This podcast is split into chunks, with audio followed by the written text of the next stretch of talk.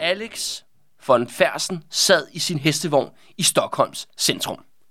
Vognen var omringet af mennesker til alle sider, og de var ikke i et godt humør. At noget var galt, var det, der var stemningen.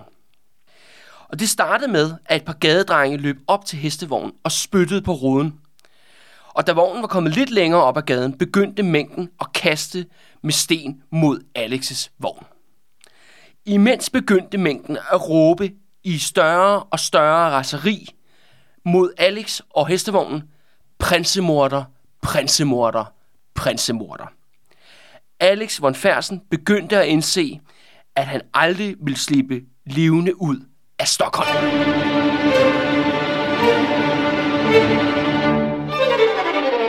Du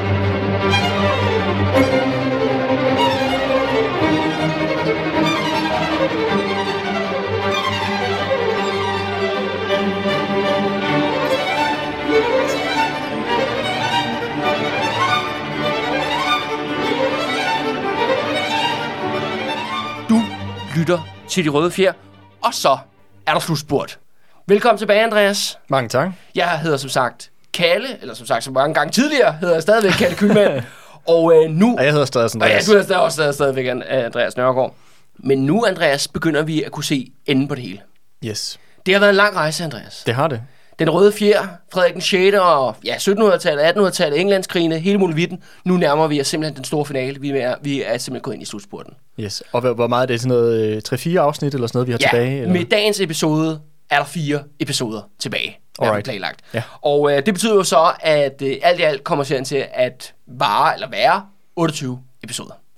Det er også en, det det er en rekord. Men ikke desto mindre, også. Andreas, promises were made, and promises were broken. Ja, vi det havde sagt 30 afsnit. Ja, jeg endda blæret mig og sagt 35 afsnit. Ja. Men, Vi kan jo lave nogle ekstra. ja, Sådan, øh, ja, så, og det betyder jo altid, at man skal selvfølgelig gå kritisk til sin historiker og til sin podcast, og, øh, og ligesom, ja, jeg må sgu, jeg må kaste håndklædet i ringen, Andreas. Jeg har vredet kluden, alt hvad jeg kunne, men der var kun til 28 episoder. Og det har noget at gøre med, at at nogle historier viste sig ikke at have nok kød på til at være selvstændige episoder. Mm-hmm. Og øh, andre gange er jeg så også, øh, ja, ved ligesom, at der er en god historie, men er ligesom blevet skuffet på, at der var ikke nok materiale ligesom, til at bygge en episode op. Mest øh, tragisk er, har vi desværre ikke en Grønlands episode, ja. som er den, jeg sådan øh, begræder mest, vil jeg sige, øh, personligt. Men var det, så vidt jeg husker, det, der, var, der var ligesom noget, kunne tage fat i, men ikke nok. Men, ja, og det er jo det der med, at vi- nu kan jeg jo lige snakke om det kort. Det der sker er, øh, mens hele øh, imperiet i Nordland, vi har talt rigtig meget om Island og, og, og Færøerne sidste, Sidste gang. afsnit, ja. ja. sidste afsnit. Og det der egentlig sker, den her opløsningstendens påvirker selvfølgelig også de grønlandske kolonier. Og det der sker er jo, at de mister fuldstændig forbindelsen med Danmark. Og det vil sige, at deres fødevarer og deres lager, de simpelthen de bliver tømte mm. efter et par år. Det har vi talt om før, da vi lavede den sidste koloni, at noget, der er det afgørende for danskernes kontrol over de her grønlandske fanger, og de, de skal jo fange de der sæler til handel. Ja, og, det er, og, bytte dem til gengæld for madvarer. Så- Ja, ja, og andre goder. Og det betyder jo, at de har det ikke mere, danskerne. Og det vil sige, at grønlænderne stopper jo selvfølgelig med at give dem sæler. Ja. De får jo ikke noget ud af det i, i, i gengæld selv, og det fører faktisk også til sult. Altså, der er mange, der dør sult, øh, primært grønlænder selvfølgelig. Men det interessante er så til allersidst der med, i takt med, at handel ligesom bryder sammen, og det er jo det grundlæggende økonomiske fundament, mm. som holder folk i den her koloni, der begynder så også autoritetstroen at bryde sammen. Det kunne jeg godt. Der er nogle rapporter om, at Grønland snakker om, at de skal dræbe alle danskerne. Ja, Øh, men det bliver altså bare ved snak. det kommer aldrig til. Nej, det kommer aldrig til en konfrontation. Og det mest øh, bemærkelsesværdige er, at til sidst, øh, så kommer der simpelthen et skib, altså ha- øh, handlen deroppe har et skib, deroppe, Mhm. mm-hmm. som er sådan et mindre kystgående skib, ikke? Ja. til intern handel. Og de beslutter simpelthen at evakuere folk. Altså de hvide, Mhm. mm-hmm. danskerne og nordmændene. Altså evakuere dem, eller i hvert fald alle dem, der ønsker at prøve at komme hjem. Okay. Og, og det skib sejler så op og ned af kysten i 1811, og evakuerer så mange mennesker som overhovedet muligt, og så sejler de hjem. Og det er så historien. Det er det. Ja, og som du kan høre, Det er ikke helt et afsnit. det er ikke helt til et afsnit. Jeg har, der er en rigtig fin kilde, øh, nogle dagbogsoptegnelser, der taler om det. Men, det, men, men selve kilden er kun sådan 20 sider. Ja, okay. Små håndskrevne sider, ikke? Jeg synes ikke, at der var nok kød på. Ej, det jo godt være, det bliver sådan en, sum, en, øh, en tynd gang øh, suppe, man skulle koge på det. Ja, ja, når vi kan fortælle den historie på lige præcis to minutter. Ja. så, øh, men derfor kommer der ikke nogen Grønlands episode i den her omgang. ja. Og vi havde også oprindeligt tænkt, at vi skulle tilbage til Dansk Vestindien.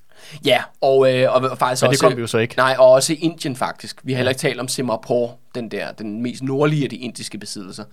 Øh, og det er simpelthen noget at gøre med, at jeg, kunne se, jeg fandt noget materiale, men det var en utrolig kedelig korruptionssag med nogle danske embedsmænd, der var korrupte og sådan noget. Øh, og, det, og det, igen, der var ikke nok kød på, mm. simpelthen. Og det er jo sådan, og det er jo det der med den her proces, når, vi, når jeg laver de her serier, at, at historien udvikler sig også for mig. Og narrativet udvikler sig også for mig faktisk i processen. Jeg er som sagt øh, kun måske to-tre skridt foran lytterne ofte i den her. Så det er også, at for mig er det altid også vildt interessant og spændende at grave mm. sig ned i et emne, og der er nye vinkler og ting, der åbner sig op, og nogle gange er der sådan nogle leads, der ikke fører nogen vejen. Ja. Og sådan, det er sgu lidt name of the game i historiebranchen. Ja. Sådan er det bare. Og så bliver et løfte om 35 afsnit, bliver så lige pludselig til 28. ja, ja, ja. Så ja, undskyld for helvede. Ja, ja. Og vi skal også lige sige undskyld. Der er jo, det er også ved at være lang tid siden, der faktisk sidst kom et afsnit. Vi har holdt en lille pause her på det seneste. Ja, det er rigtigt, ja. ja. Men nu er vi altså tilbage. Nu er vi tilbage, og vi håber, vi kan gøre serien færdig her uden afbrydelser de over yes. de næste par uger. Og øh, ved du hvad, Andreas, lad os springe lige tilbage i det. Fordi at den her episode er noget særligt.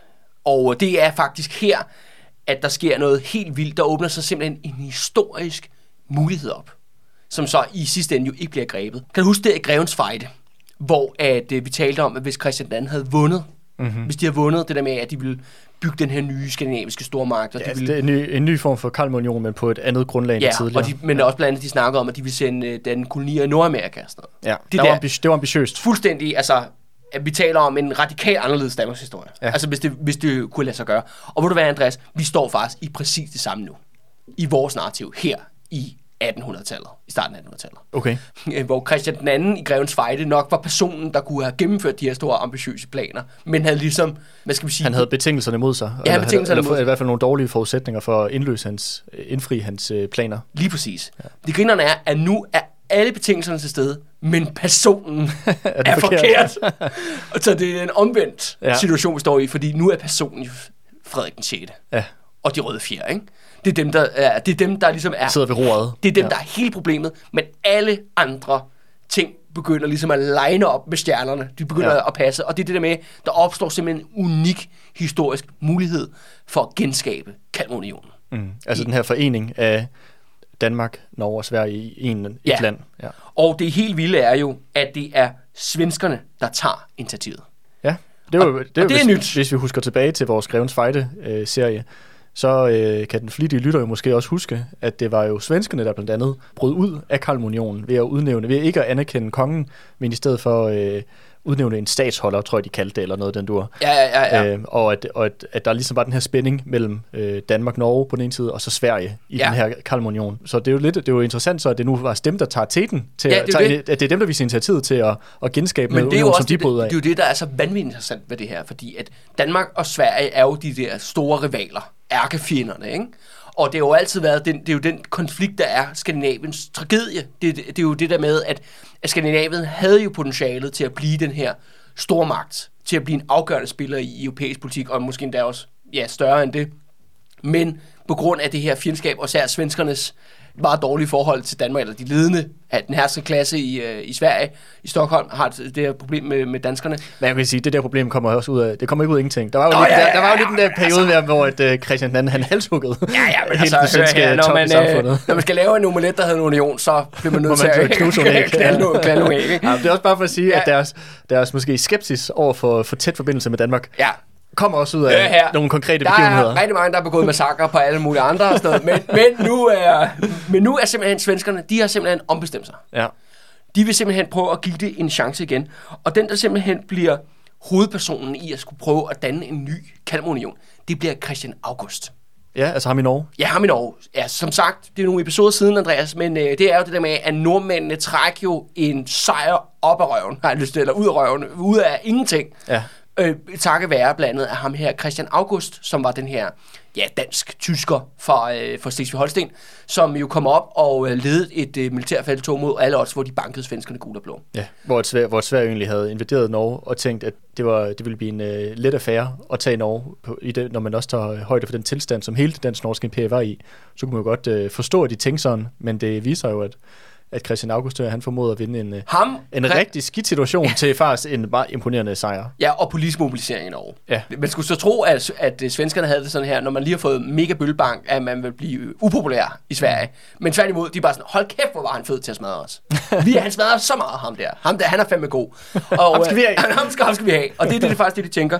Fordi at det, der så også sker ligesom i Sverige i den her periode, det er jo, at Sverige har jo traditionelt set været den stærkeste, eller i hvert fald i den her periode været den stærkeste magt i Skandinavien. Altså Sverige Finland kontra Danmark-Norge, hvor Danmark-Norge har været den svage part siden 1600-tallet, mm-hmm. hvor de så svenskerne har taget til den. Men det, der sker er, i 1809, er, at russerne invaderer Finland. Ja. Og det bliver en total katastrofe. Det er Sveriges 1864. Og Okay. okay. det, det her, nu er det så lidt, øh, hvad skal vi kalde det, svensk historieservice til dig, Andreas og alle lytterne.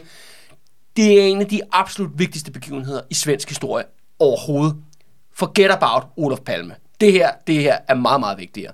Det er netop, at svenskerne de bliver fuldstændig smadret over i Finland. De bliver fordrevet ud af Finland, og faktisk er den svenske her, øh, fordi Østersøen er simpelthen frosset til i vinteren Ja. øh, 1809, at den svenske her trækker sig tilbage over isen, tilbage til Stockholm, tværs over øh, Østersøen. Er- Er den frosset hele vejen over fra Sverige til? Hold da kæft. Altså, det, er det er kold vinter, Ja, ja, det, det må man da sige. Men under hele den her tilbagetrækning af den svenske her tilbage til det svenske kerneområde, Kerneland, der bliver de forfulgt af russerne hele vejen, kosakkerne, og det udvikler sig til Massakre. massakre. Men her når at komme i land, det er også der, hvor at, øh, russerne tager Ålandsøerne.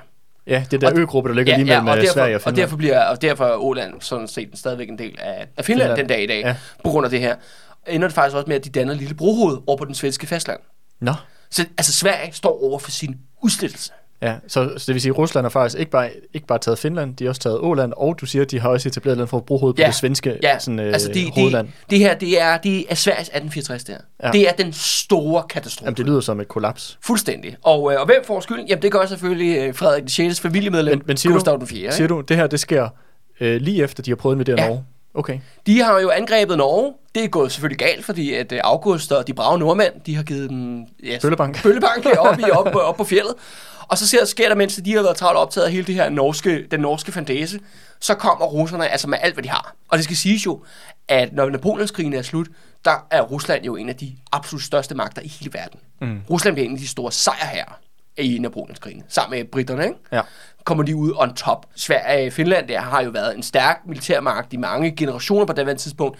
Det er nærmest en supermagt, Ja. der kommer og angriber dem. Ikke? Ja. Så de, altså, de bliver fuldstændig Der er over. lige inden. sket et skift i styrkeforholdet. Og det, der sker, er, at hvor bliver ansvaret for hele den her katastrofelag, det bliver selvfølgelig lagt på kongen. Ja. Gustav den 4. Som jo så er jo, øh, hvad skal vi sige, øh, hvad fanden er det? Han, Er det ikke, er det ikke ung? det er hans fætter jo. Ja, hans fætter. Ja, ja, fordi hans, hans far, okay, nu, Gustav den 3. var Frederiks onkel. ja. Så er det... Så jeg formoder så, at Gustav 4. må være hans fætter.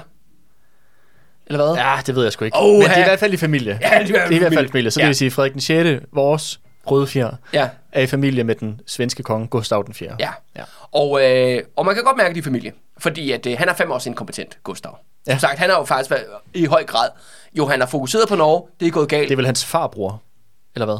Nej, fordi... Vi glemmer det. Vi, vi, fuck, fuck det. Ej, nu hør her. Gustav den 3. han var gift med Christian den 7. søster, Okay, som var normal, by the way. okay. De er gift, Ja, de fik et barn, der hedder også Gustav. Han blev Gustav den 4. Gustav den 3. han blev skudt til det der maskebal tilbage i 1790, hvis ja. du kan huske det. Ja, Der var lige efter Tyttebergkrigen. Ja. Så Endnu en krig, som gik dårligt for, for svensken. Ikke? Ja. Og så blev han sgu simpelthen nakket. Det, I Sverige har de jo en stolt tradition for at uh, myrde deres statsleder. Og, øh, og han bliver så skudt til det her uh, maskebal, og så bliver selvfølgelig Gustav bliver så konge, så Gustav 4. Men han er jo så lille barn, jo, så skal lige gå nogle år. Jamen, så er, det, han jo, så er det jo nok hans fætter, ja. Så, Ja, er så, det så, jo, så er de jo fætter. Så er Frederik den 6. Ej, og altså Gustav den 4. man skulle er altså tro, at fætter. en Colin Genser har styr på sine familieforhold. Jeg, for, jeg formoder jo, at du er familie med det halve af Jylland, ikke? De er fætter. Ja, okay. De er yes, fætre. Okay, Ja. super. Okay, så de er jo faktisk meget tæt beslægtet Ja, at det er jo sjovt det med, at vi vi har to øh, vanvittigt inkompetente monarker, i hver deres land. som selvfølgelig er tæt i familierelation, ikke? Ja, og de, deres lande bekriger også hinanden. Ja, ja, lige præcis. og nogle af de er så også allierede. Ja, Ja. jamen, det der så sker jo er, at øh, svenskerne, de indser jo, holy fuck, vi har en yngre version af Frederik 6. på vores trone. Så det sjove er, at de officerer, der har ledet det der katastrofale feltog mod August og nordmændene, de, er, de siger simpelthen, "Ved du hvad, vi begår statskup. Mm-hmm. De svenske, den svenske officerkorps, de er faktisk øh, liberale. Altså, og de har en, øh, de er jo fyldt op af de her, den her oplysningsidealerne, den her tid, der er under Napoleons konflikterne, ikke? Altså det der Ja. med det der, ja, alt det, der kom ud af Frankrig med den franske revolution, det er de meget inspireret af. Øh, og så samtidig er de faktisk en progressiv styrke, og det er bare meget sjovt, fordi at i Danmark, der har vi det modsatte jo. Ja, der har vi jo... Med De fjer? Ja, ja. Med alle de her jo officerer, som jo er med til at og, øh, hvad skal man sige, jeg, vil- jeg vil ikke sige korrumpere Frederik den 6., eller i hvert fald øh, de, bekræfter, de, ja, bekræfter, de stryger, alle, de, de, bekræfter de, alle de bekræfter dårligste de sider af værste, ham. Ja, de Ja. værste sider af ham, ikke? Ja. Og, og de skaber jo en osteklokke Ja. øh, om, omkring ham, hvor det er bare meget sjovt, at i, Sverige, i Sverige, der spiller de, de unge officerer, altså generalstaben og så videre, de spiller den modsatte rolle. Ja. De spiller en, de er en politisk driving force for forandring, Ja. for, for, for nye ting, hvor at det er det modsatte i Danmark. Vil, det- vil det være øh, at overdrive at sige, at de ligesom prøver at gennemtvinge nogle forandringer fra oven, for ligesom at redde den svenske stats eksistens? hovedet på sømmet, Andreas. Det, det er ikke meget forkert. Fordi det er jo klart, at Sverige står i en gigantisk katastrofe. Så noget må jo gøres. Og de her øh, svenske officerer, de tager simpelthen hele den her, de tager den her, de har haft over ved den norske grænse, med siger den hjem, besætter Stockholm, arresterer Gustav den 4. Afsætter ham. Mm-hmm. Sender i eksil, og han kommer til at dø mange år senere i eksil faktisk. Okay. Så farvel, farvel, farvel Ja, og tak. farvel, ja, farvel, farvel til ham. Og det de så gør, er, at de indsætter Gustavs øh, meget gamle onkel, der hedder Karl. Han bliver så til Karl den 13. Han har intet ønske om at være konge. Han er inkompetent til at være konge, og han er barnløs. Okay. Så alle er ligesom klar over, at det her det er altså en midlertidig løsning. Ja. Også Karl den 13. Han er også bare sådan, holy shit, der, Hvornår kan jeg komme igen? ja, bare, det er den her vikarchance, er der bad jeg overhovedet ikke om. Altså, han vil, hellere, han vil bare hellere passe sig selv på sit slot, ikke? Ja. Men, men fordi der ligesom ikke rigtig var andre, Ja. så bliver man jo, og det er jo den der tid, man skal have en konge, ikke? Ellers, Ja, ja, ellers så fungerer det ikke, ikke? Øhm, men det andet er så også, at, at øh, de indkalder stænderne, øh, altså bønder og borgere osv. osv. Ja. Og det er det med, at Sverige har jo den her demokratiske tradition, de har den her, ja, det er jo ikke et fuldblåen demokrati, som vi forstår det nu, men det er meget mere demokratisk, end hvad der nogensinde har foregået i Danmark i hvert fald. Mm. Og de her øh, svenske, unge svenske officerer, de er jo også sådan, jamen, de, de gennemfører en mere liberal øh, forfatning, Ja. med flere fri- frihedsrettigheder osv. osv. Så, så det virker som om, at de er inspireret på en eller anden måde af de begivenheder, der skete i Frankrig. Ja, ja. Så det er sådan en... øh, Det er jeg vil godt våge at kalde det i hvert fald en revolution i hvert fald. Ikke? Altså på en, øh, en noget mindre skala i hvert fald. Ja, ikke? sådan politisk niveau-agtigt. Ja, det er, en, det er en politisk... Man afsætter sin monark, og man laver også en politisk omvæltning. Ja. Altså at, ja, forfatningen, øh, basalt set, ikke? Og det øh, ligesom åbner op for, at øh, ja, Sverige kan være mere liberalt og frit samfund. Og samtidig har de også eye on the price. Det er, at de her officerer, de siger, at vi skal have den her union. Mm-hmm. Det er den eneste måde, fordi de ser jo netop, at russerne er så stærke nu, at vi har simpelthen brug for backup. Ja. Og hvem skal være vores backup? Jamen, det skal selvfølgelig danskerne og nordmændene. Mm-hmm. For hvis vi alle tre slutter os sammen, så kan det være, at vi har en chance ikke? mod dem alle. Så er, det, så er det Skandinavien mod Rov. Om det er Napoleon nede i Centraleuropa, eller om det er russerne over østpå, eller, Eller eller britterne. Prø- Preusserne i syd, eller hvor Ja, det ja, måtte ja, være. ja. Altså, Skandinavien er omgivet af fjender. Ja. Af store magter, som jo er, traditionelt set og historisk set har spillet dem ud mod hinanden. Og hvem har vundet ud af alle de her blodige konflikter, Danmark og Sverige har udkæmpet mod hinanden? Jamen, det har primært udenlandske magter, mm. der har ligesom levet højt på det.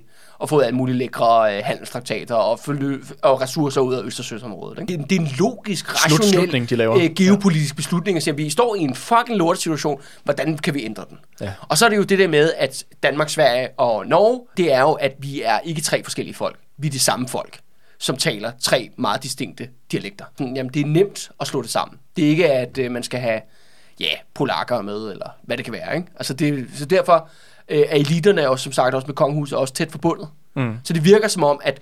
at Ja, det er fedt, der sidder på tronen, Ja, ja, ja, ja, det er jo det, at det, det være et nemt integrationsprojekt. Ja. Og øh, er ikke uoverskueligt, ikke? Ja. Så det vil sige, de øh, er, er lidt af, af nød på grund af det øh, eksterne pres, de møder for især Rusland.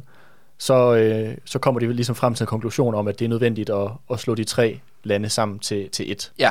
Og de ser så på øh, Christian August i Norge, som de lige har fået smæk af, og tænker, her er en kompetent herre, Ja. som vi gerne vil have med i Ja, hvert fald. han er jo sådan set egentlig dansk statsborger, fordi Slesvig-Holsten jo så er en del af, kan man sige, det danske område, eller hvad man siger. imperie, ja. Ja, ja. Og, øh, og, så er han jo, og så er han jo blevet nordmand på rekordtid.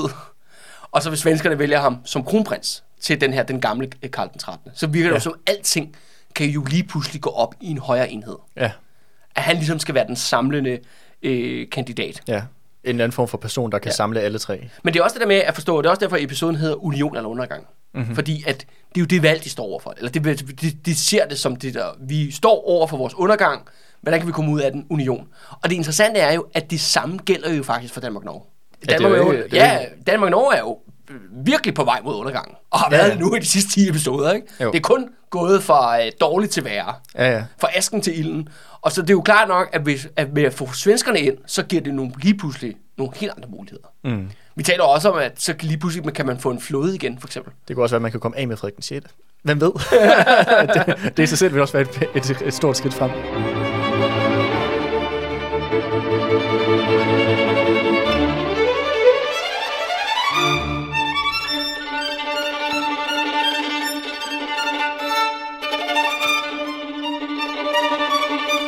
Igen, Andreas, du har allerede luret, hvor jeg gerne vil hen, fordi hvem at det virker jo oplagt. Det virker jo kanon godt. Den her historiske mulighed for, at de skandinaviske lande kan slå sig sammen. Det, det, hvem, hvem kan være modstander af det? Det er der en vindersag. Men man har lige glemt at spørge Frederik. Ja. Selvfølgelig. Da svenskerne har væltet Gustav den 4., så sender de selvfølgelig øh, ja, budbringer til København, og- eller til, til Frederik nede i Kiel, og ligesom prøver at sige, øh, uha, vi har alle mulige spændende unionsplaner og sådan noget. Hvad, hvad siger du til det? Kunne det være noget for dig? Var det noget for dig? Og øh, det første er, at øh, Frederik han kalder dem øh, forrædere. Okay. Han kalder dem, I er nogle fucking forrædere, fordi I har fjernet jeres konge. Så var mit fætter, ikke? Ja. Så han starter, han starter lige med at svine dem til, ikke? Ja, god start. Fordi han jo mener, at du skal huske på, at Frederik er jo, altså han hader jo opposition. Ja, ja. Han hader jo kritik af ham selv. Ja. Og det er jo, at man forstår også godt, at hans reaktion mod de her er fjendtlighed, fordi at, at de har jo ligesom vist, at de ikke respekterer øh, stand og autoritet og Nej. kongemagtens hellighed og andet. Så, Nej, nej, de ser jo ikke, de ser netop ikke kongemagten som noget, der er slået sten. Det er Nej. noget, noget, man kan file på og Præcis. twiste efter Præcis. en... Øh, Så på den måde, så allerede der, så ser han jo en farlig, en farlig gruppering, som ikke, som også eventuelt kunne øh, øh, hvad kan man sige, stille spørgsmålstegn til hans øh, legitime ret til at herske. Ja, hvis svenskerne spørger, okay, en ting er, okay, du starter lige med at svine os til og sådan noget, men skal prøve at komme videre i teksten og sådan noget. Ja. Og de har sådan, jamen, øh, vi har et krav for en union, og de var også snakke med Frederik om, det er muligvis også dig, der kan blive konge. Mm-hmm. Så længe August er kronprins. ja. Og det er jo fordi, man skal huske på, at Frederik har ingen sønner. Nej, jeg skulle lige til at sige, fordi Frederik, han har jo ikke nogen Nej, han har to arvinger. døtre. Ja. Han har to døtre, men de kan jo så ikke blive dronninger. Altså, det er jo Nej. udelukket den her tids tankegang om, Ja, ja. om, omkring kvinder.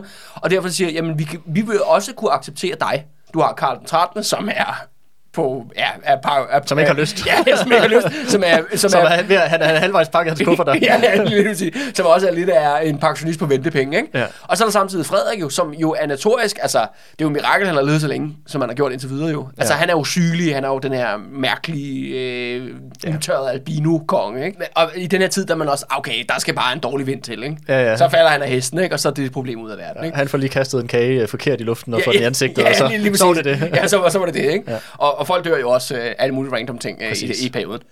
De er sådan til Frederik, ej, men hør her, lad os prøve at finde en løsning. Men de har et krav, som de ikke vil gå på kompromis med. Og siger, vi vil rigtig gerne union med jer, men vi skal altså have en liberal forfatning. Mhm. Mm-hmm. Vi skal ligesom have noget check and balance på, øh, på kongemagten. Du kan ikke bare få lov til at sidde Nej, fuldstændig enevældigt. enevælden er slut. Ja. Øh, men selvfølgelig kan man sige, det er jo ikke den her tids, øh, hvad hedder det, konger, selvom de har forfatninger, så har de pænt meget magt alligevel. ikke? Ja, ja, men, ingen tvivl. Men ikke desto mindre, enevælden må ophøre. Det vil sige også, og mest markant er det jo i perioden det der med, at offentligheden, eller de bedste borgere, de rige, af eliten, mm. får lov til netop at kigge kongemagten over skulderen i form til budgetter og regnskaber. Men nu skal vi huske på, at de røde fjer har jo gjort Frederiks stat dybt, dybt korrupt. Ja, altså vi snakker også om det der med, hvor mange, hans, den, øh, mange Frederiks elskerinder mm. også ligesom havde, havde en post på statsbudgettet og ligesom blev understøttet af staten. Ja, ja. Man kan sige, at på den måde har korruption jo sådan noget, jeg ved ikke, helt, helt absurde højder, hvor det jo er blevet en del af statsbudgettet, at du på den måde øh, betaler for dine elskerinder og underhold og alt muligt andet. Så Ja.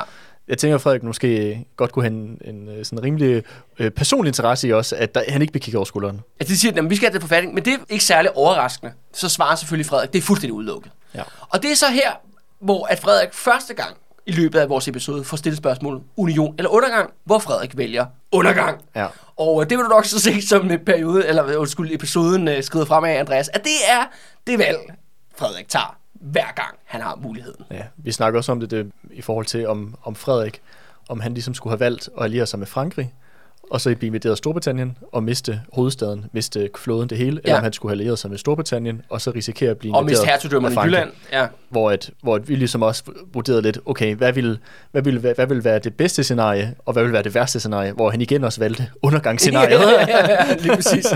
Ja, han, han valgte undergang på global skala. ja, Ikke bare den, ja, den jyske undergang, Nej, men den globale det, det er undergang. hele imperiet, der skal ja, under, ja, ja. så jeg kan få lov til at blive siddende i Kiel. Ja, ja, lige præcis.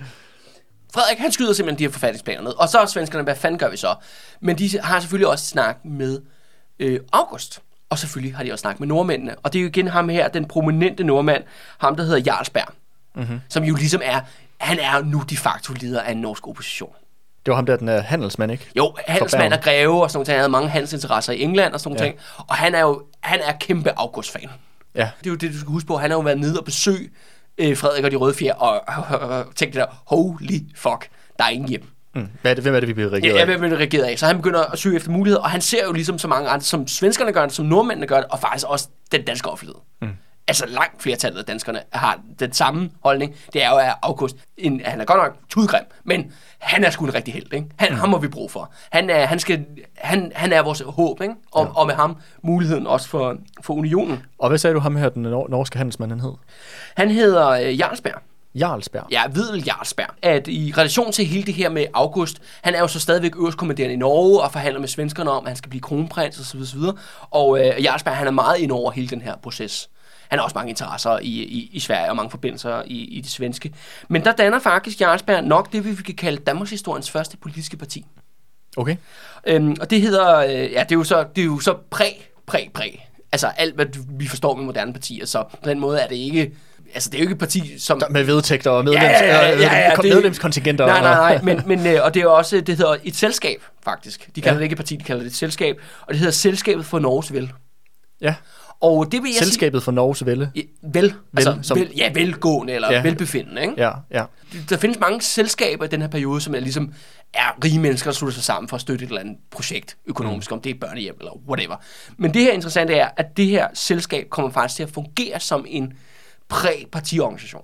Mm-hmm. Altså som et parti, som en, ja, en gruppe. Altså, det, og det, er det- bevægelse, eller Ja, noget. og det er det faktisk det første jo. Altså, nu sker det så i Norge. Øh, der er jo faktisk også danske medlemmer. Men, øh, men det er, vil jeg sige, det er at det et parti, der er, det kommer før alle de andre. Okay.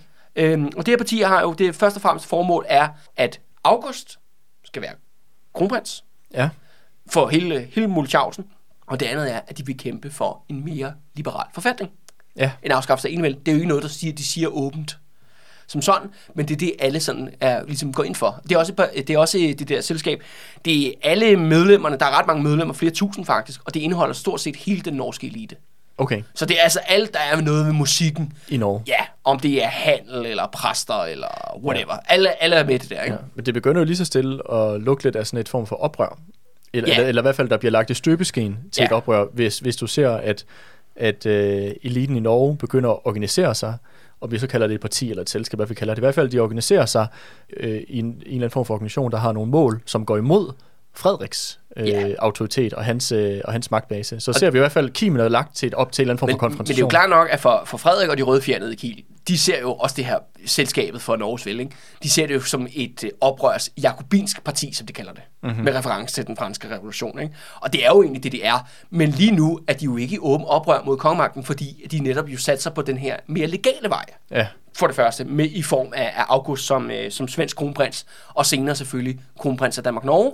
Og så skal vi bare lige af med de der to fuck-up konger, ikke? Ja. Så bum, så har vi du så en øh, union med kongemagten, med August som konge, som det der det bindeled, der ligesom skal holde det sammen, ikke? jo. Jeg vil sige, det begynder jo at lugte lidt af, at ligesom linjerne bliver trukket op til, et, øh, til en konfrontation. Og det er jo også det der med, at man må også tænke her, øh, Andreas, og det er noget, jeg begynder at tænke mere og mere, som den her serie er skrevet frem af. Er der ikke snart nogen, der gider at myrde Frederik? Fordi ja, det er der virkelig en belastning at være- befinde sig i hans selskab, ikke? Altså, det er jo også det der med, at det bliver mere og mere oplagt, at der er de, alle de her muligheder, men der er en stor barriere. Og det er ham. Det er ham.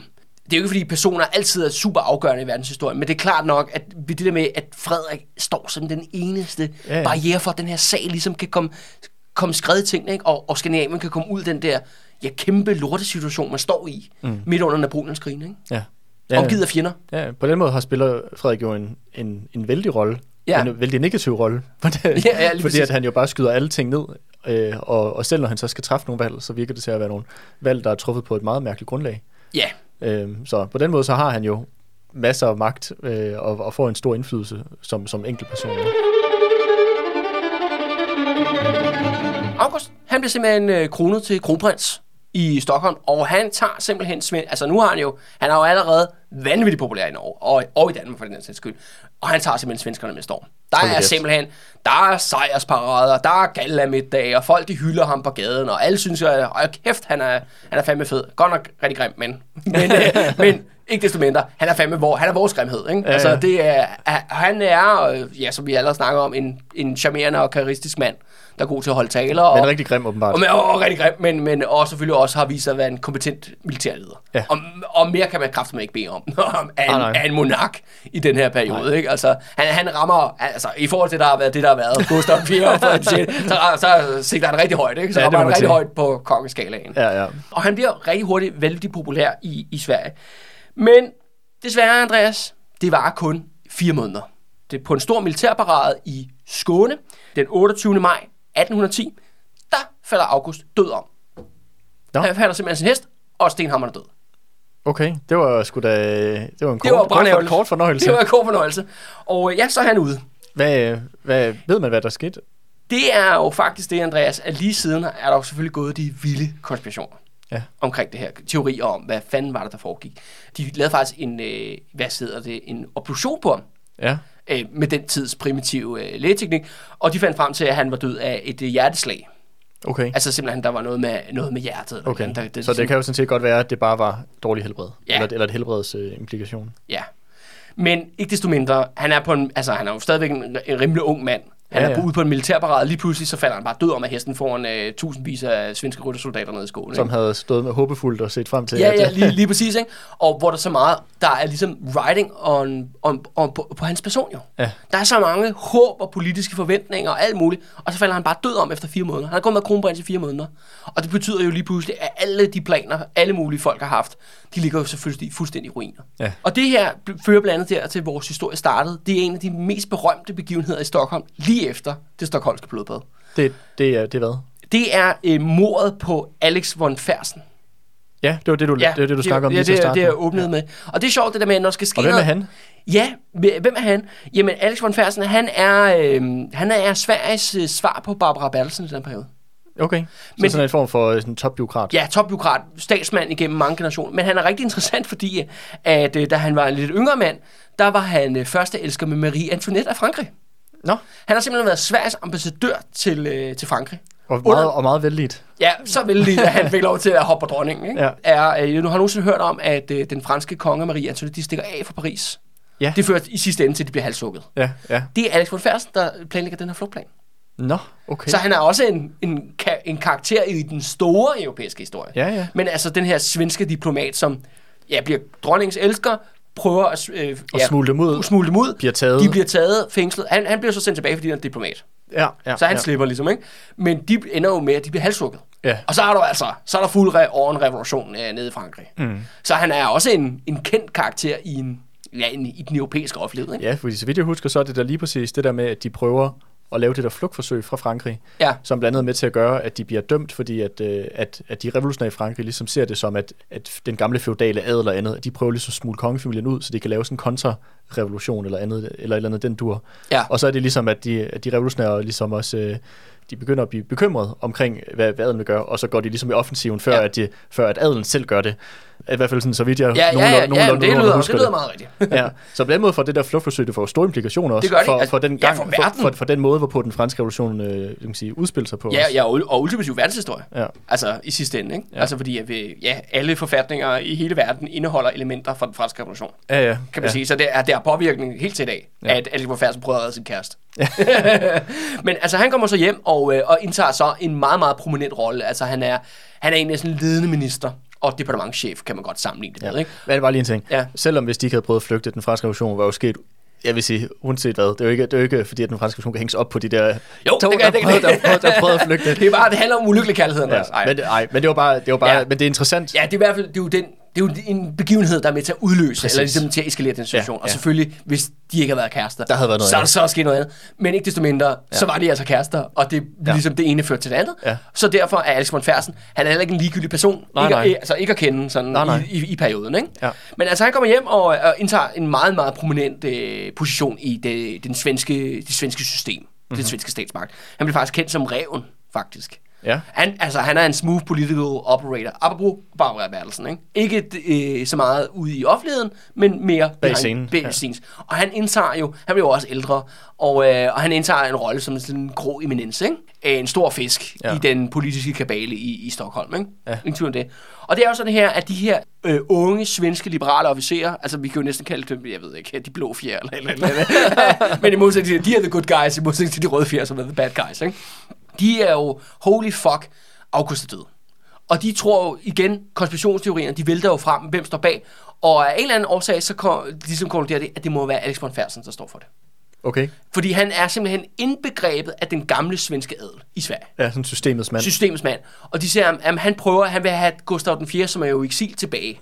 Ja. Det må være ham, der har stået for at myrde August med gift. De ligger i hvert fald skylden på ham, og begynder at udsætte smedeskrifter om, at det er ham, der står bag det her. og Sådan noget. Det, I forhold til, det, der kommer til at ske lige, lige om lidt, Andreas, hvor at, øh, ja, Alex han, øh, kommer sjovt nok ikke levende ud af Stockholm. Det er sjovt, at der er aldrig nogen, der har fremført teorien, og kan vide, om det er Frederik eller de røde fjer, der har stået bag.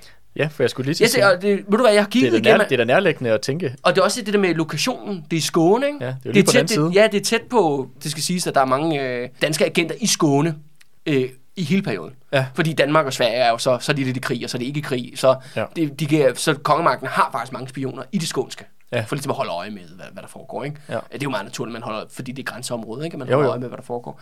Øh, og det sjove er, at der er aldrig nogen, der har fremført en teori om, at det kunne være Frederik og de røde fjer, der eventuelt stod bag et mordforsøg. Ja. Det, øh, det er ikke, fordi der er noget, der indikerer, Nej, men det ville har være nærliggende at tænke. Ja, det er blevet fremført det her argument med, jamen at Frederik var da interesseret i, at August var kronprins, fordi så har han en venligsindet. Monark i Sverige. Men på den anden side, man kan jo se, at hvem er Frederiks største rival? Hvem er hans største politiske fjende, faktisk? Hvem er den største trussel mod hans egen kongemagt, mod hans egen enevælde i Danmark?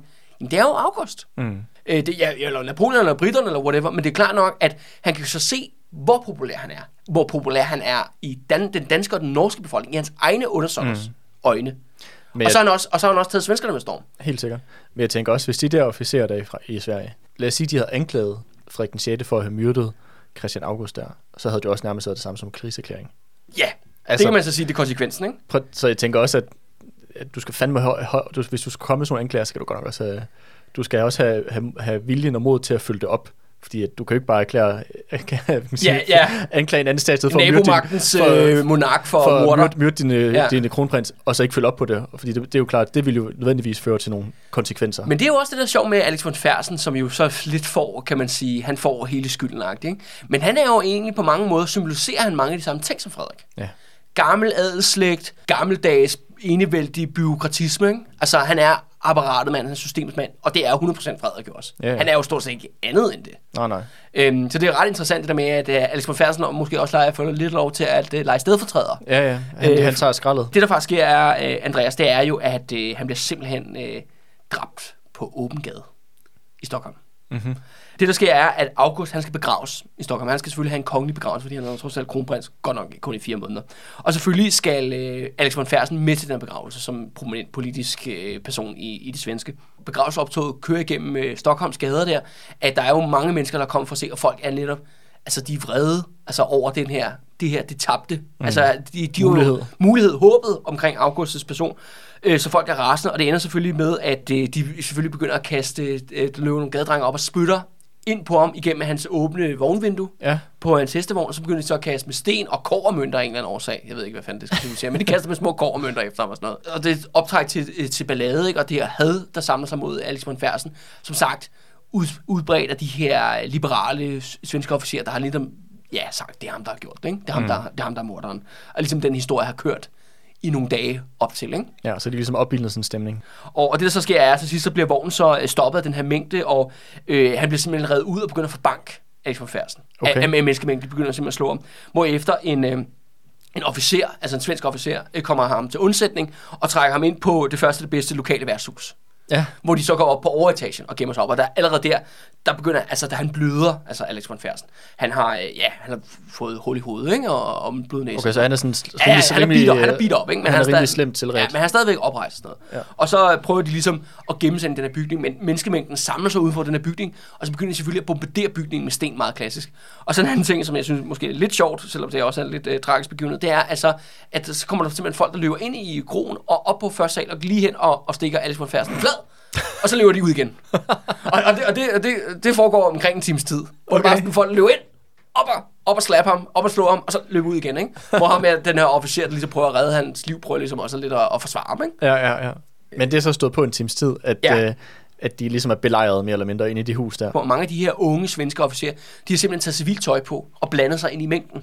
Ja. Og de er dem, der er med til at op, altså op i stemningen yderligere. Altså simpelthen råbe, altså han er prinsemorder, prinsemorder, ikke? Og det er jo reference til, at han dræbt August. Mm. Øh, og, og sige, det er, ham, det er ham, der har knust vores skandinaviske drøm, og, og så videre, så videre ikke? Altså han får bare al skylden, ikke? Ja. Og det gør så til sidst, at menneskemændene så ophe- ophidset, de selvfølgelig, de stormer bygningen og hiver ham ud, ud på gaden. Mm-hmm. Og der råber han selvfølgelig desperat om hjælp, fordi nu er Alex von Fersen godt klar over, at det, han kommer sgu nok ikke levende ud af det her. Og så er der faktisk øh, 200 soldater, der står lige ved siden af og, og kigger på, og de her soldater øh, begynder faktisk at sætte bagnetter på og gøre sig klar ligesom til at bryde mængden op, men de bliver så stoppet i sidste øjeblik faktisk af Karl den 13. Altså kongen? Ja, kongen ja. Ja. Fordi han mener også, at han står bag det her mord. Ja, okay. Fordi at, det skal sige, at Karl den 13, han var bare sådan, ej, at han har jo lige glædet sig til, at August var kronprins, fordi at, Så, så, så, så, han kan godt komme væk af stolen. ja, ja, så slipper han for det, ikke? Men nu, nu er der jo ikke nogen, så skal han jo være konge noget længere tid, ikke? Ja. Og det er han jo heller ikke tilfreds med. Nej, nej. Så derfor giver han simpelthen ordre til, at soldaterne ikke skal gribe ind. Nej. Så de dem simpelthen, øh, menneskemængden simpelthen... Øh, Lov til at... Øh, og mishandler ham, ikke? Ja. Ja, og det, og det der så sker er sådan, de sådan helt groteske scener. Det der sker er blandt andet, at de løfter Alex von Fersen over deres hoveder, og så kaster de ham ned på jorden. Mm-hmm. Og det gør de gentagende gange. Op i luften, ned på jorden. Og det ender til sidst med, at de simpelthen river ham i, i små stykker. Hmm. De simpelthen river armene af ham. Altså sådan helt brutalt øh, blodrosagtige, øh, Ja. ja. sådan sindssyge optøjer. Og det fører selvfølgelig til altså, generelt ballade jo. Altså i byen. Og der er faktisk der er yderligere 10, der bliver, der bliver dræbt Okay. i de her sammenstød øh, mellem soldater og andre, øh, øh, andre folk. Det er noget, man snakker om den dag i dag i Stockholm. Nå, Det er sådan en afgørende begivenhed i Stockholms historie. Altså vi har selvfølgelig Christian Dans blodbad ja. på, øh, på Stortorvet der i, øh, i Stockholm, men det andet er så simpelthen det her øh, meget, meget brutale gadedrab på Alex von Fersen. Hvorfor er det, at man snakker om det som en, en begivenhed i dag? Altså, er det, er det i den kontekst, det er sket? Jamen altså, det, det er ligesom, ja, slaget på red måske i en Københavns kontekst. Altså det er sådan en stor historisk begivenhed, hvor der er mange vidner, og det er jo noget, der er afgørende for, for, for historien overordnet set. Ikke? Ligesom det der med, at det stokholmske blodbad førte i sidste ende til, at Sverige brød ud mm. af Kalmarunionen, og Alec von Fersens mor er på en eller anden mærkelig måde den vrede og frustration over, at unionen ikke blev til noget. Ja, okay. Så på den måde ligesom. Ja. symbolet på den der fortabte mulighed. Menneskemængden er jo helt vildt altså ophidset, og de liberale officerer, de tror jo, at han er en eller anden med i en konspiration om at dræbe August. Ja. Selvom igen jo, vi har ikke nogen beviser på, at han har gjort det faktisk. Nej, nej. Så, ja, ja, Han bliver gået til Sønderbuk. Ja, ja, han er er 100% Sønderbuk, fordi han er så meget det, det gamle systems mand, ikke? Ja. Desto mindre jo og også har en forbindelse til det mest reaktionære, man kan forestille sig det franske kongehus ved, at han har været, ja, Ja, ja. han har hoppet på, På den måde er det, jo, er, det jo, er det jo sådan set et... Den her, den her gruppe af liberale officerer, de får jo ligesom også fjernet en, øh, en person, som jo også ville være imod deres, det styre, de Ja. prøver at lave. Så Ja. måde får de jo også fjernet en politisk modstander. Ja, ja, 100%. Altså, på den, det er jo ikke... Det er, hvis du alligevel skal finde Søndebuk, så er du ikke dum en at finde fra deres synspunkt.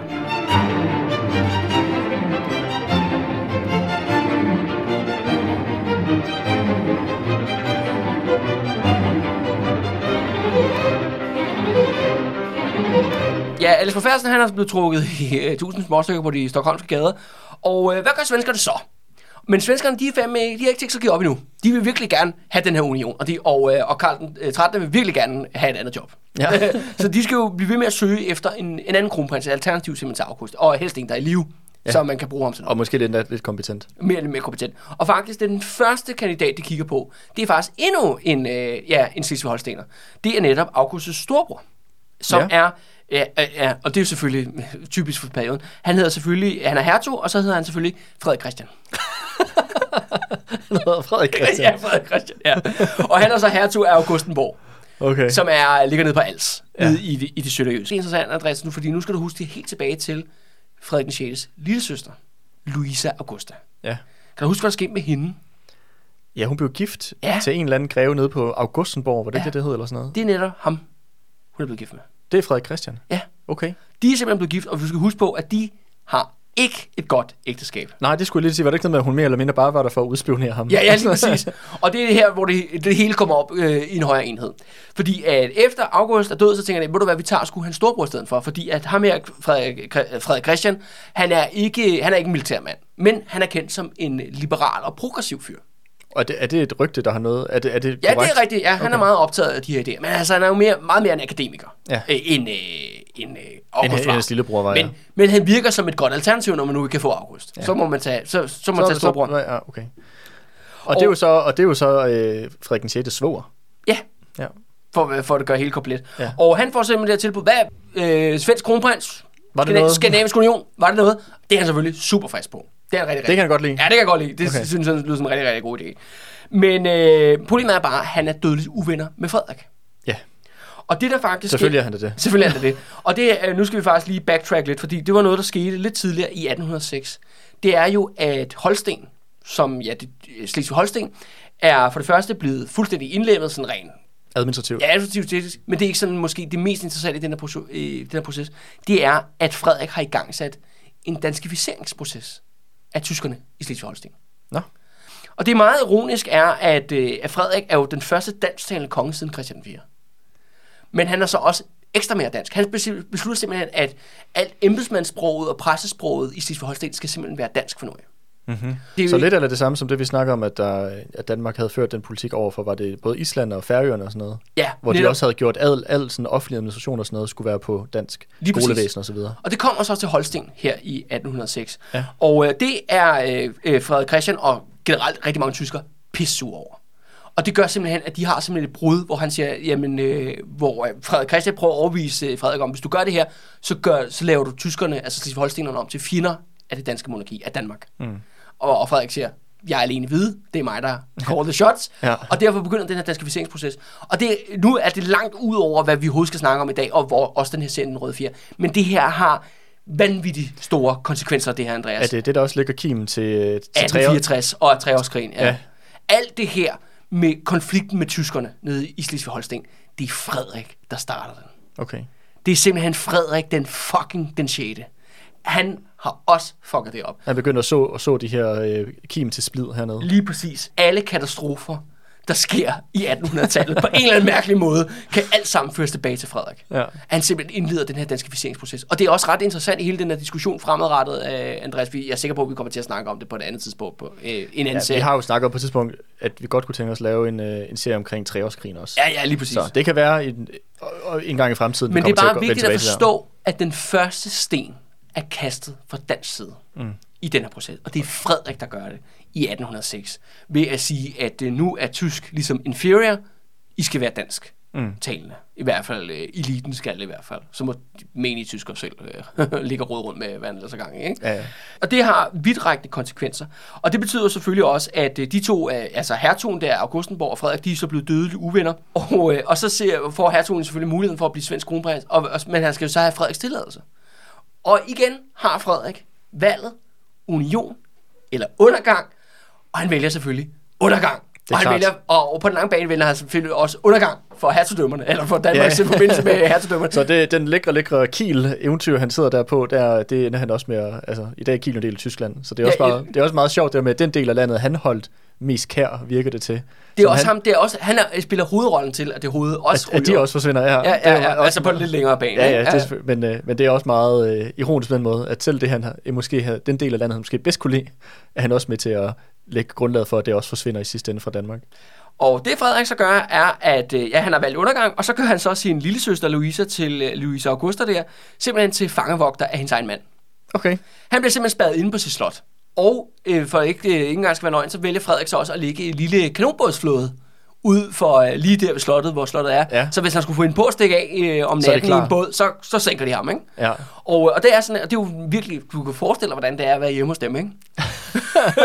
du, har, du har mor og far, ikke? hvor at mor er fangevogter, og det siges, at Louise Augusta, hun snakker hele tiden med den øh, danske kommandant af den her kanonbådsflåde. Ja. De er så hans fangevogter af hendes egen mand, Okay. som sidder spærret inde på sit slot, ikke? Det lyder som et meget dis- dysfunktionelt øh, ægteskab. Ja, det lyder ikke det er skide godt. Nu Ja. har de jo aldrig kunne lide hinanden, men nu bliver det, Tydeligt. ja, nu bliver det virkelig bedre. Der er selvfølgelig ingen skilsmisser, fordi at, øh, Nej, nej, det hvorfor, er- hvorfor bryde et godt ægteskab?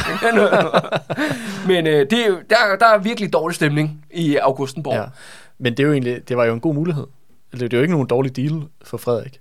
Altså man kan jo sige, at øh, hvis, i tilfælde af, at, at, at hans svoger... Jamen, så bliver hans, øh, hans så lillesøster vel dronning jo. Så bliver hans lillesøster dronning. Altså, Ja. det er sgu da... Det Selvom der, hun er godt nok Struenses. Øh, Åh, ja, ja, men altså, mindre, mindre detalje. Men alligevel, jeg synes alligevel, at han, det er nogle gode aftaler, han rent faktisk får tilbudt. Begge to er rigtig gode scenarier. Ja. Ja. August var et godt scenarie. Han dør så, Han dør så. På Som- så- og man- vis, ikke? så man kan sige, for, hvis man skal tænke sådan for Frederiksen rent egoistisk, er det her måske, den her øh, mulighed nummer to, er måske endda endnu bedre. Ja, fordi han er sværere. Altså, Ja. ja. han er ikke lige så stærk, som August var. Præcis, og ja. det er hans søster, som der bliver dronning. Altså på den måde, så har han en, en større... Øh, Ja, han har en fod indenfor i, Ja. ja. i magtens cirkler i Stockholm, ja, ikke? ja. Altså, det er da en kanonaftale. men, men Frederik vælger altså undergang. Og øh, hertugen af Augustenborg, han blev simpelthen spærret ind på sit slot, til han dør i 1814. Okay. Spærret der, og hvor hans, jeg ved ikke, hans kone lurer igennem nøglehullet, eller, eller hvad der for, hvad der for fandt, der foregår. Men det, han faktisk bruger resten af sit liv på, altså der fra, ja, fra 1810, og så de fire, fire år først og frem, det er, at han skriver den ene store afhandling efter den anden, om hvorfor Slesvig-Holsten skal bryde med Danmark. Nå, øh, Louise Augustus og hans to sønner, de bliver de afgørende tyske oprørere i 1848. okay. Du kan se, hvordan At der bliver- Frederiks fuck-up Ja. skaber Riddles Der, effects. ja, der bliver lagt nogle skinner. Ja, ja, og skaber nye fjender Ja. i en ny generation. De Ja. er jo så øh, små drenge, eller unge, unge knøse her på, på daværende tidspunkt. Jo. Og de ser jo så, at, hvordan deres mor indespærrer deres far, og han sidder bare inde og skumler og skriver den ene afhandling og pamflet efter den anden om, hvorfor at tyskerne skal have danskerne. Ikke? Ja. Og du siger så, at hans, hans børn bliver så nogle ledende skikkelser i 1864. Nej, i 1848. I 1848. 1848. Ja, i Okay. det her oprør, når, når, Ja. når tyske, de, er- de bliver simpelthen lederne af de tyske rebeller. Ja, okay. Forstår du, hvordan kan du se, hvordan det bliver Ja, ja, det er afgørende, ikke? Altså, jo, jo, jo. Og det er også det der med, at, øh, at Frederik... Er det i altså, 1848, treårskrigen begynder? Ja, Så samme år, som du har revolutionen i Danmark ja jamen, hør, it's all connected, Andreas. Okay. Bare rolig. Men, det, det må vi lave en serie om på et tidspunkt, men det bliver for stort at gå ind i her ja, nu. Nej, ikke? men det, ja. det lader vi det.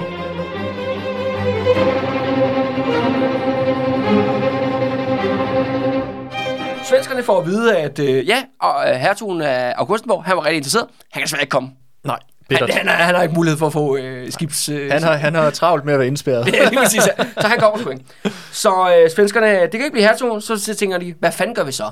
Og der er der så en af de her øh, øh, svenske liberale officerer i Stockholm, de er bare sådan, ja, Karl den 13, han vil fandme ikke være konge, og sådan, det begynder ligesom at spidse til, og de leder med lys og lygte. Og så er der sgu en, der foreslår, hvad med stalmesterens søn? Ja, det var jo... Øh, hvad fanden, det, vi Ja, havde, det handler jo så Christian Frederik. skal vi lige, og vi er nødt til lige at forklare, hvordan han er relateret til kongefamilien. Fordi vi havde jo Frederikses... Ja, hvad var det? Hans fætter eller et eller andet. Ham, der hed Arveprins Frederik. ja, det var, hans, øh, det var jo hans onkel.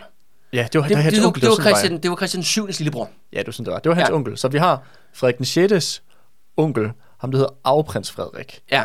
Han var gift med En tysk prinsesse, en tysk prinsesse. hvor at de ikke kunne få nogen levende børn. Yes, formentlig fordi, at, Fordi at, at indavlet. Arveprins Frederik var for indavlet. Indavlet. Og, øh, men det, Og i stedet for, så men det indser han så, at han er for indavlet. Ja, Og derfor øh, så Får han selv laver han en øh, lækker aftale ude i stallen Ja. med staldmesteren, Ja. ja. der hedder Blyker. ja. Og, øh, Så og han, han får en tur i sengen han med, får mange ture. ja, med, øh, med, hvad hedder det, med prin, den tyske prinsesse. De lever i et øh, moderne øh, trekantsægteskab. Ja. Indavlet mandsperson, hvad hedder det, prinsesse, slag og staldmester. Ikke? Yes. De lever i en lykkelig familieforening, og hvor der kommer en masse sunde børn ud af det, Ja. som er Halleluja. helt normale og raske. Yes. Og en af de børn, som... Øh, som Den ældste. Den ældste, som ja. Den her tyske prinsesse og staldmesteren så får, det er jo så Christian Frederik, hedder han det? Ja. Christian Frederik. Ja. Og, øh, og han er så sund og rask. Han er og, sund og rask. Men der er selvfølgelig også kommet nyt blod ind i familien, kan man Ja. sige. Men, øh, men og officielt set, så Christian Frederik er jo stadig anerkendt som en del af den øh, kongelige familie. Ja, og han står faktisk til EU faktisk. Og det, er jo, og det er jo ud af den her gren, at vores nuværende monarker, de udkommer. Eller kommer, er det ikke sådan, det var? Eller? Øh, ja, det bliver lidt mere teknisk. Jo, ja. men det er rigtigt nok. Jo, at det, det, de, de claimer jo, at de er i familie med Frederik 6. igennem Christian Frederik. Men problemet er, at Christian Frederik er ikke i familie med, med nogen. Han er familie med en staldmester. Ja. Så. ja. Anyhow. Ja, men ham her, Christian Frederik, han virker faktisk, på trods af jo, at han har ikke lige blodlinjerne i orden. Men på mange måder virker han faktisk som en oplagt kandidat. Han er 24 år, han er ung, frisk fyr. Han er, viser sig faktisk at være enormt charmerende og intelligent. Mm-hmm. Han er også meget belæst, han interesserer sig for videnskab og kunst, og så er han en notorisk liberal. Okay. Og synes faktisk, at forfatninger er en rigtig god idé. Og det er mest fordi, han er jo, ja, han er jo opvokset med Frederik og de røde fjer. Og, han- han og, kunne godt- han og godt- han synes, der, der er noget af det her med det der med check and balances Ja. på magten. Det virker som om, at der, der kan nogle, være nogle fordele i det. Ja. Det får tingene til at glide lidt nemmere, Mhm. mm-hmm. øh, umiddelbart, af hans, af hans indtryk. En anden ting, som man heller ikke er særlig glad for, øh, det er jo hele den her censur. Mhm. Det, altså, han synes også, at, at Frederiks regime er alt for øh, reaktionært og Ja, ja. konservativt, og han slår ned på dissidenter, hvor at det, det er ikke behov for. Eller sådan så stor en Og vi er om det, han- at han er jo sådan set fætter på papiret, en fætter med, med Frederik. Ja, på ja. papiret. ja. Og så skal det siges, fordi at Frederik jo ikke har nogen øh, mandlige arvinger, så står faktisk Christian Frederik til også, at, at, han er blevet kronprins. Ja. Står til at vinde kongemagten i Danmark nu. Ja. Bliver han ikke også det? Ikke nu. Nej, okay. øhm, men svenskerne simpelthen overvejer jo så, jamen okay, øh, den, ene, den første døde, den anden må ikke, bliver ikke lukket ud af sin kone. og øh, hvem er der så? Jamen så tager vi sgu ungersvenden, ikke? Ja. Altså, og så, du, hvad, fuck det der stalmesterhistorie. Det er sgu lige meget. Han virker, han virker fresh. Ja. Ham stopper vi. Men igen, der får Frederik den 6. valget mellem union eller undergang. Og hvad vælger han, tror du, Andreas? Må det ikke han vende undergang? Ja, han vælger selvfølgelig undergang, fordi at øh, Christian Frederik får selvfølgelig ikke lov til at komme afsted. Og, og den der deal, det var, at Christian Frederik skulle være kronprins, Ja, og at Frederik skulle så blive faktisk konge over hele baduljen. Nej, det, nej det, er- det er den samme deal, som August vil få. Det er det med, at han bliver kronprins af Sverige, og derfor, når Karl den 13. han trækker så hurtigt stikket, som han overhovedet kan lade sig gøre, Så vil han så blive ophøjet så vil han blive til, til kongen af Sverige. Men det er jo så det, at han jo igennem sin person og sin familierelation til Frederik Sjælv også vil blive konge af Sverige, når, når Frederik engang er død. Ja, Så det vil sige, at der er stadigvæk mulighed for union. Den er bare lidt udskudt lidt, fordi man skal vente på, at Frederik dør. ja. Men, Er men, død, men man kan sige, brækkerne er ligesom lagt for, at, at en generation hen Ja. ved alle tre. Ikke, en, øh, ikke, ikke som August, hvor vi måske taler om en hurtig union, mm. altså sådan inden for ganske få år. Nu er det mere sådan, okay, men vi får unionen, men der kommer måske til at gå 20 år måske. Ja, ja. Men det kommer til at ske ja, formentlig. Men det kommer til at ske. Ja. Så igen, skide god plan. Ja. Men det siger selvfølgelig Frederik nej til. Det, det skal siges, at Frederik jo på mange måder jo øh, hader Christian Frederik. Eller kan i hvert fald ikke lide ham. Mm. For det første er han jo alt det, han ikke er. Han er jo netop en beleven, intelligent ung mand, der er belæst. Mm. Alt det Frederik ikke er. Det andet er så også, at øh, han er så øh, opvokset i en familie, hvor de elskede ham. Altså både øh, indavlet, afprins, staldmesteren og moren. Alle, ja. alle kunne lide ham. og, og, og har været søde ved ham. Der, ja. der er han vokset op, ikke? Ja, modsat Frederik. Modsat Frederik, der kun har fået tæsk Hvis, og, hvis forældre øh, ja. gav ham op til Struenses eksperimenter, han blev vokset op indelukket i et... Øh, Et bur, ikke? Et bur, ja, mere eller mindre. Ja. ja, og så det andet er jo så også, at den her, nu er han jo stadigvæk ung og sådan noget, men han er også allerede meget mere populær i den brede befolkning. Mm-hmm. Fordi han netop bliver kendt for, at han har liberale synspunkter. ja. Og det er jo det, alle sådan skriger på. Der skal ske noget med den her regeringsmagten og så, så, videre, så videre. Det virker som om, at faktisk at kongefamilien faktisk kan producere en løsning af sig selv. Det der med, at han er jo en bastard, ikke? Han er jo et, øh, det er staldmesterens øh, friske blod, der er med til at, ligesom at pifte hele, hele pivetøjet op. Og Frederik sælger sig simpelthen mod, du må ikke tage til Sverige og blive kronprins. Men igen jo, det er en idiotisk beslutning. Ja. Fordi han er alligevel hans kronprins jo. Ja, ja. Han er hans egen kronprins. ja. Hvem mindre han dræber ham. Så, så ja. vil, så, og, mindre, og, han, og det virker ikke til, at selv han er i stand til at producere nogle mandlige arvinger. Nej, det er jo det. Jamen, han Så- har jo, de har jo haft øh, dødfødte babyer en masse. Ja, ja. Så det kommer til at ske nærmest mere eller mindre. Ja, det kommer til at ske. Med Det mindre kommer- han selv gør noget aktivt for at, at skille sig af med ham. Men igen, altså det er jo det der med, at at Frederik den 6. og de røde fjer, altså de er lukket om sig selv. Vi ved ikke, hvad, hvorfor de tager de der beslutninger. Det er det der med, som vi snakker om før, det er sådan, det er det der Hitler i førerbunkeren, ikke? De er bare sådan lukket om ind i sig selv, og så lige pludselig kommer der en meget, meget mærkelig ordre ud om, at øh, spøgelsesdivisioner skal angribe øh, et eller andet sted, ikke? Mm. Så der er sådan noget, der er undergang over det, ikke? Altså, ja, unionen er undergang, ikke? Af- over det, hvor de ligesom sidder og, og øh, bliver taget den ene mere mærkelige beslutning, og sådan, hvad fanden er rationalet for det her? Øh, tre gode kandidater her, vi har haft på stribe, og han skyder det ned hver eneste gang, når han får muligheden for det, ikke? Fuldstændig vanvittigt.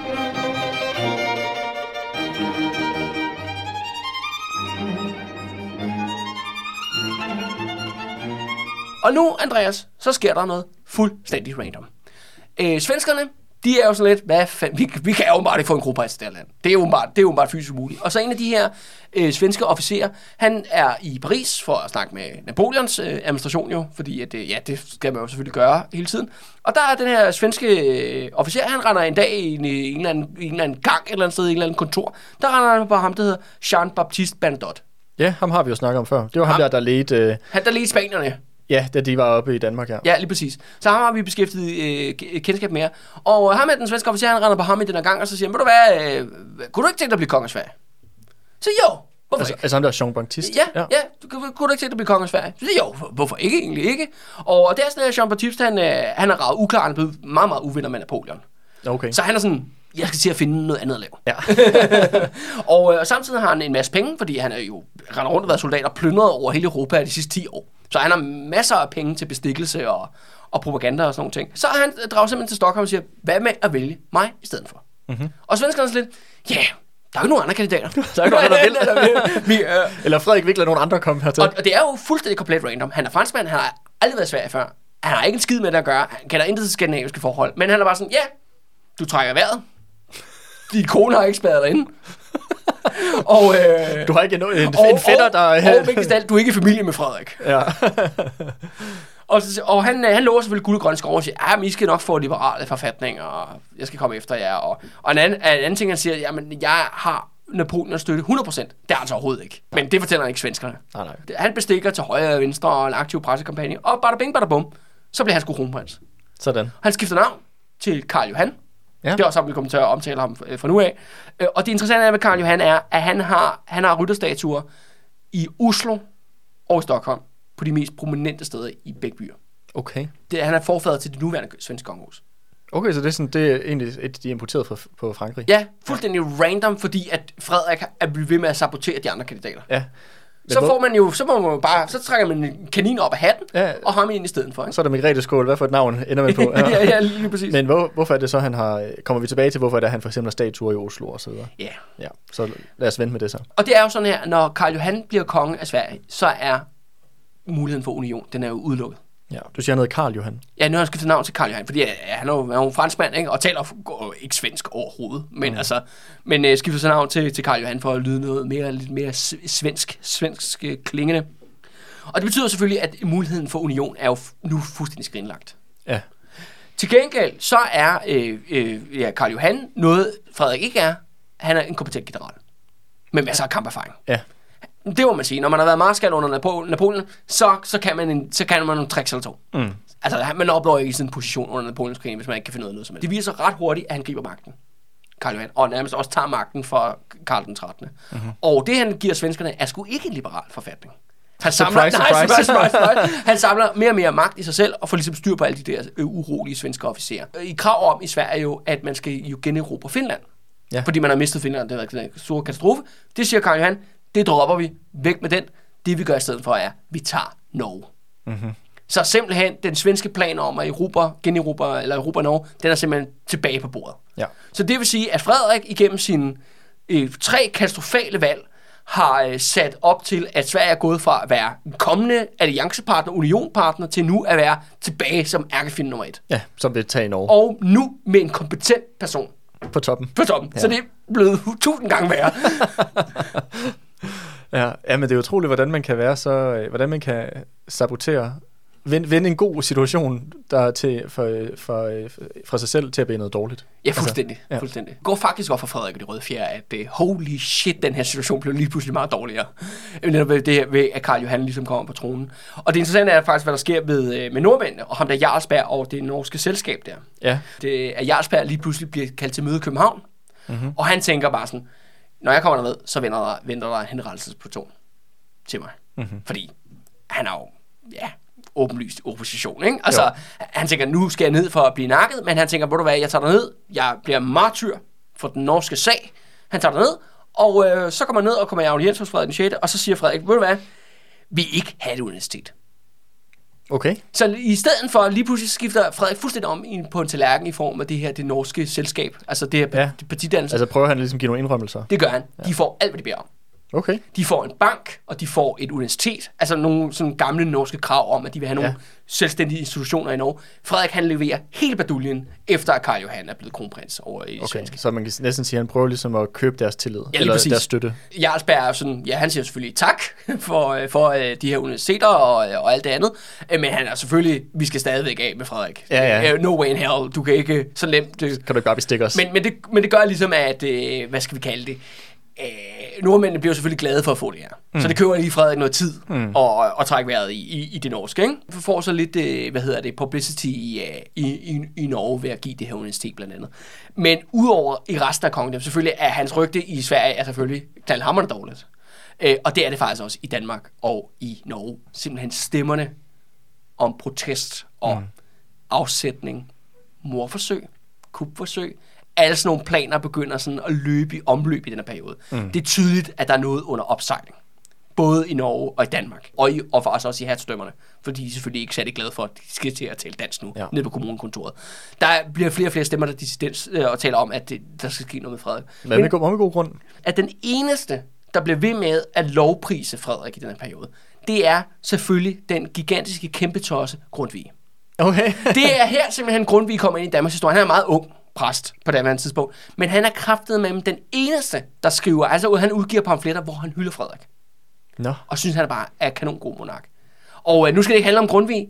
Det er bare en lille øh, krølle på halen, at selvfølgelig dukker Grundtvig, den stjernepsykopat, op i den her sammenhæng, og selvfølgelig hylder Frederik den 6. fuldstændig ukritisk. Som den eneste i den her periode.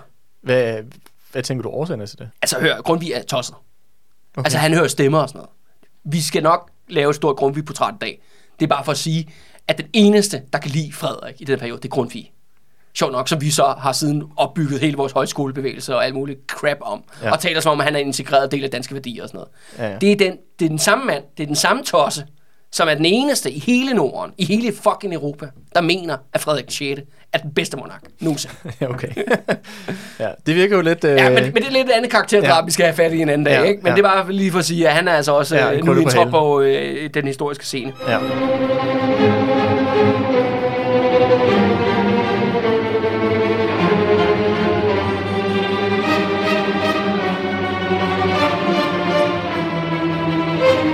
Tilbage i Sverige, Karl Johan, han, øh, han begynder selvfølgelig, den svenske her har selvfølgelig fået nogle ordentlige omgangsstryg i Norge og i Finland. Han begynder simpelthen at sætte det hele op igen, og han er jo en kompetent mand, han ved, hvad han laver. Ja.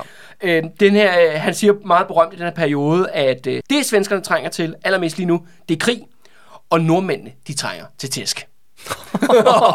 så der er virkelig lagt op i kakkeloven, og nu kommer Karl Johan ind på, ind på banen, ikke? Men der var noget, der kunne tyde på, Andreas, faktisk, at svenskerne ikke trængte til krig. Fordi, hvad sker der selvfølgelig over i Skåne, Andreas? Der er ordren om, at der skal indkaldes nye vandpligt til den nye svenske her. Karl Johan er gang med at bygge. Der udbryder selvfølgelig et godt gammeldags bundoprør. Sådan. Hvad er en lang serie med de røde fjer, uden et bundoprør i Skåne? Jeg har det sådan, det er saltet til vores æg. Det er, det er en klassiker for os. Selvfølgelig skal vi have et lille, Ja, ja. lille jeg, bundoprør. jeg, jeg, jeg, jeg har ikke tal på, hvor mange bundoprør vi har været igennem Ja. ja. i vores ta- utallige serier ja, efterhånden. ja, ja, og, det, og mange af dem foregår i Skåne.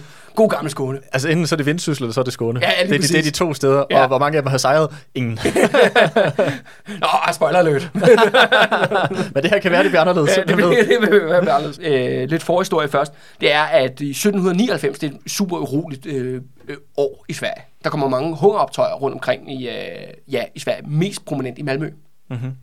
Og det fører faktisk til, at øh, nogle år efter 1804, der blev der gennemført den svenske version af landbrugsreformerne.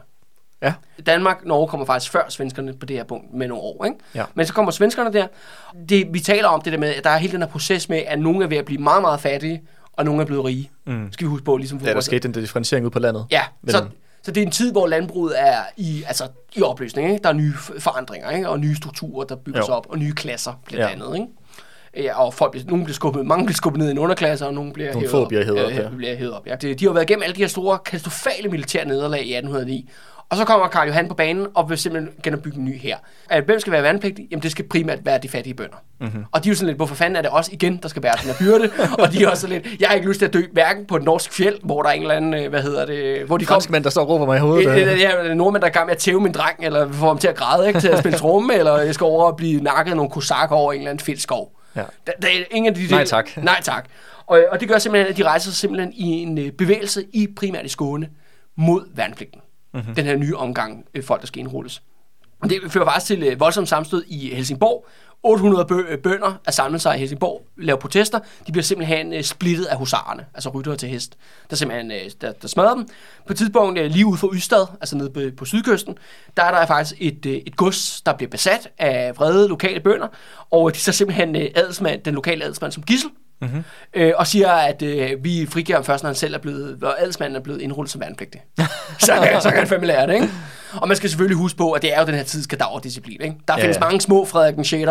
Shadere ude derude omkring både den danske og den svenske her, som godt kan lide en ordentlig omgang parade, og selvfølgelig pryl, der hører til. Mm, det er så klart. det er ikke en sjov oplevelse at være vandpligtig. Nej, nej, det, øh, det kan jeg godt forestille mig. Sagtens. Og især er det jo det, der sætter ligesom gang i det, det er, at Skåne skal aflevere mange mænd til værnepligtige. Hele 15.000 mand. Mm-hmm. for området skal udskrives soldater. Det er mange i det her i, i, på daværende tidspunkt. Og det fører blandt andet også til, at en række øh, landarbejdere, de begynder faktisk en strækkebevægelse Ja. ude på de skånske godser. Simpelthen, de strækker simpelthen nægter at arbejde på baggrund af den her værnepligt.